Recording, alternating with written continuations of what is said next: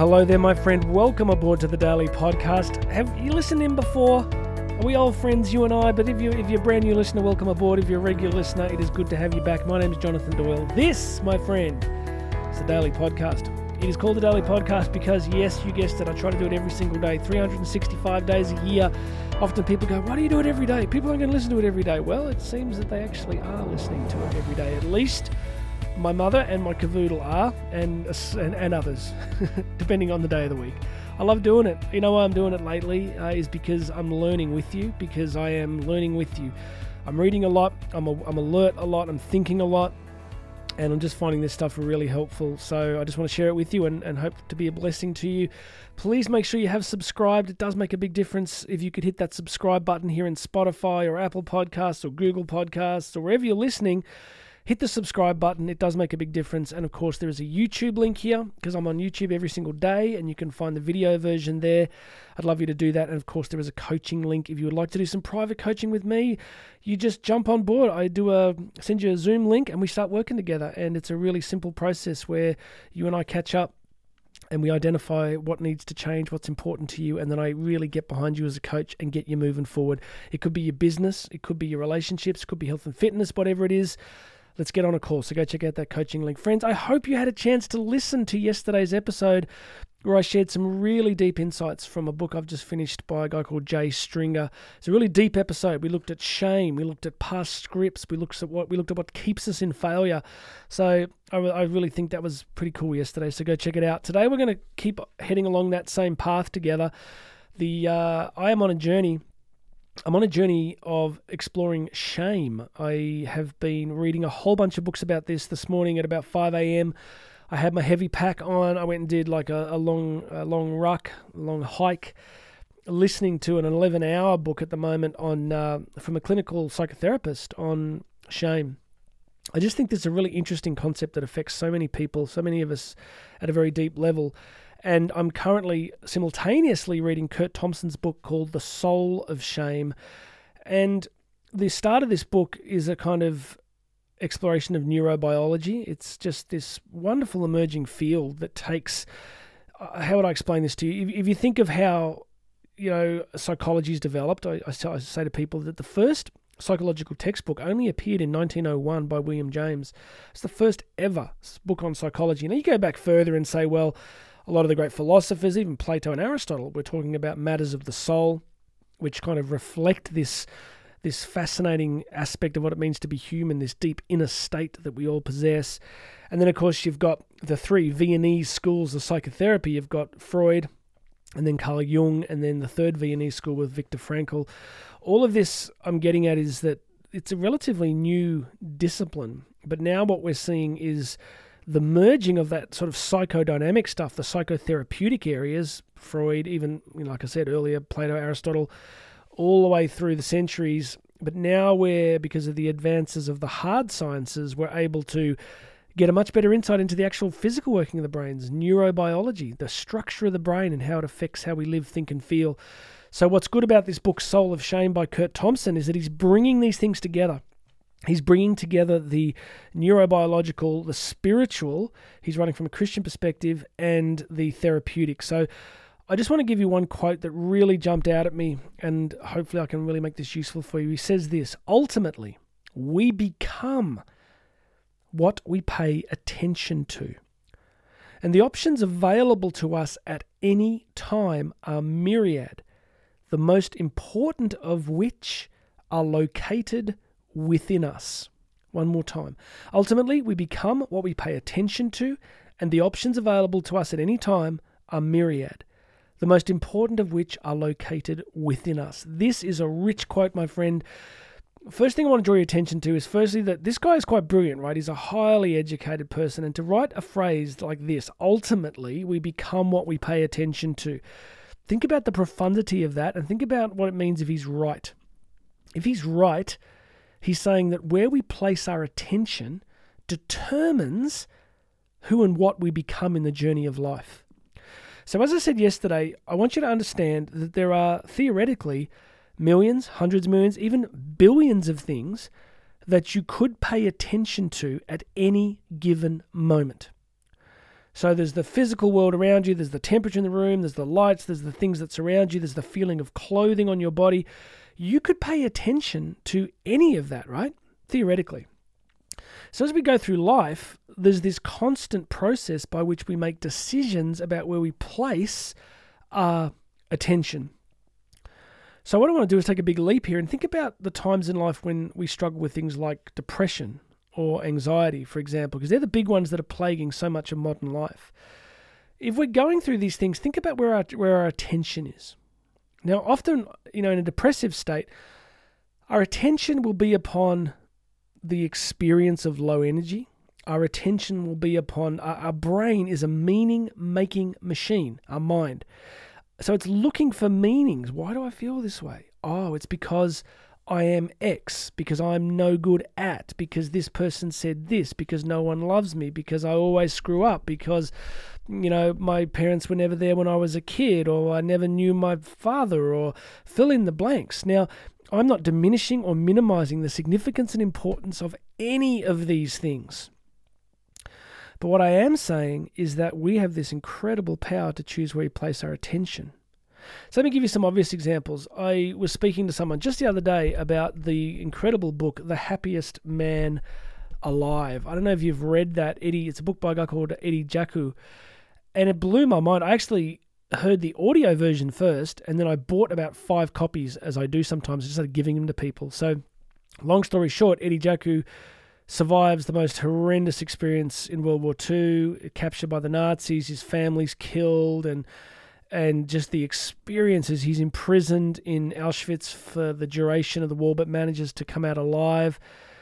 And I remember exactly where I was. I was on a long training run when I really heard this profound part of the book where he was repatriated, or he was, you know, after the war, he emigrated, sorry, to Australia and set up a life in the beachside area of Bondi, which many of you would know is kind of like the Copacabana beach of Australia. It's sort of the beach for tourists and stuff. And he started this real estate business. And but his first son was born, Michael, and Eddie Jaku was still dealing with this profound depression just just understandably, right? Because look, think of all the loss and the trauma and the stuff. So think about where his attention was, right? His attention was understandably placed upon all the evil, all the loss, all the pain, all the you know, the complete lack of justice and, and decency and kind all of that. But his son was born and he was living in this deep dark depression and he had this kind of epiphany when he suddenly realized that he had to change, that he held his son in his arms and realized that he had to change. And I love these stories because you know what he did? He, he just changed. He just literally changed. He became a fundamentally different person and started this incredible real estate business and did all this amazing stuff over the years and influenced huge numbers of people. And I'm going to argue that at least a very significant part of this was because his attention shifted. His attention was placed upon his son, and his attention was shifted to the time that he did have left, and his attention was shifted to the things that he could still do. So let's come back to this Curt Thompson quote. He says, Ultimately, we become what we pay attention to. And the options available to us at any time are myriad. Of course, you understand myriad means multiple, but the most important of which are located within us. So think about the ability to place our attention internally on all the things that are missing, all the lack in our lives, all the ways we've been hurt or mistreated. We have utter, complete freedom to place our attention upon those areas absolutely all the time, no problems. But we also have other options, don't we? And friends, if you're anything like me, I have struggled with this because I've been like in the midst of real pain at times in my life. I've been like, you want to be justified, right? You want to, you want to scream at the world, but I have every right to feel this way because, and absolutely. And over many years of speaking on stage, I've taught people this principle. I've said, you can come to me and you can list every single thing that's happened to you, how terrible it is, what it's done to you, why you are suffering and then I'm going to listen to you carefully and I'm going to listen to you empathically. And then at the end of it all, when you've finally blown out all of that emotion energy, I'm going to say three words to you. And here are those three words. And now what? And now what? You're probably right. And I understand that you would feel this way because what happened to you is terrible, but you still have to live and you have to find a way to find meaning and move forward. And I just think that Curt Thompson's offering us something quite extraordinary today, which is a decision around where we place our attention. So, friends, I turned 50 this year. On December the 1st, I will be turning 50 years of age. I still feel about 25, but I'm just struck by the importance of how much time I have left and how I want that time to be useful and a blessing and rich and joyful. You know, some of you know I've been camping a lot lately. I've been taking the kids out, and we went out Friday night. I took them out into the national park um, middle of nowhere, and it was just the best. And we were just about, they were all about just to get into bed in the tent at about 10 p.m. And I noticed that the moon had come up, and we walked around the corner of these trees, and you had to be there, I guess, but the moon was just utterly spectacular because there was no light pollution and it was just incredible.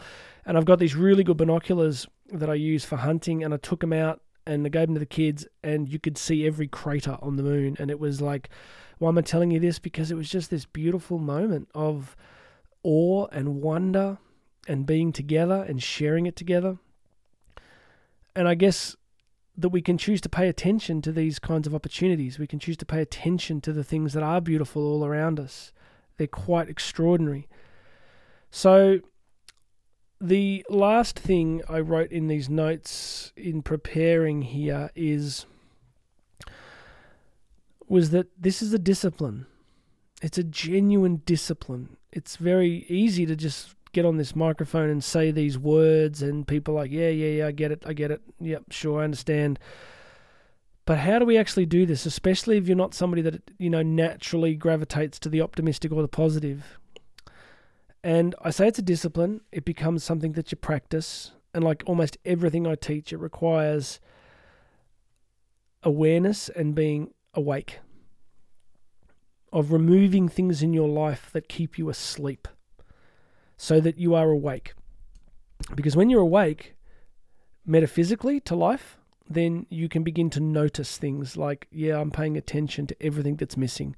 I'm paying attention to all of these internal states that are not helping me move forward. I'm not talking about denying what you feel. I'm not saying you ignore things. I'm just saying you don't have to pay attention to all of the things that are not helping. Maybe this helps. Maybe it's like you have a party at your house and you invite 50 guests and and 49 of those guests are interesting, energetic, happy, positive, gra- grateful to be there, and you've got this one guest who's like miserable, wants to complain about the temperature in your house, the food, uh, remind you that you had a party five years ago that wasn't very good, and they're surprised anybody came to this one. And you have 49 guests you could be paying attention to, and those 49 guests are going to help you to enjoy yourself and to, to learn things from them and to have a great time. But you're paying attention to this one guest. I've done it. So maybe that's a helpful metaphor. Don't pay attention to the one guest. You don't have to deny they're there. You just smile and wave, right? Like, hey, glad you could make it, kind of. And then go and spend time focusing your attention on the 49 guests that really light you up. A discipline, huh? It is a discipline. All right, that's it from me today. Please make sure you've subscribed. Please make sure you have subscribed. That's very helpful for me. Go and check out the coaching link. If you want to do some coaching with me, we can work on this kind of stuff together. We can help you. I can help you to start paying attention not to what's wrecking your life, but towards you towards what you want to go towards, if you understand what I mean. I want to help you focus your attention on the good things and the things that you still can do that are going to move you forward. So go book yourself a coaching session with me. All right, God bless you, everybody. My name is Jonathan Doyle. This has been the Daily Podcast. I've enjoyed this one. I hope it's a blessing to you, and I'll have another message for you tomorrow.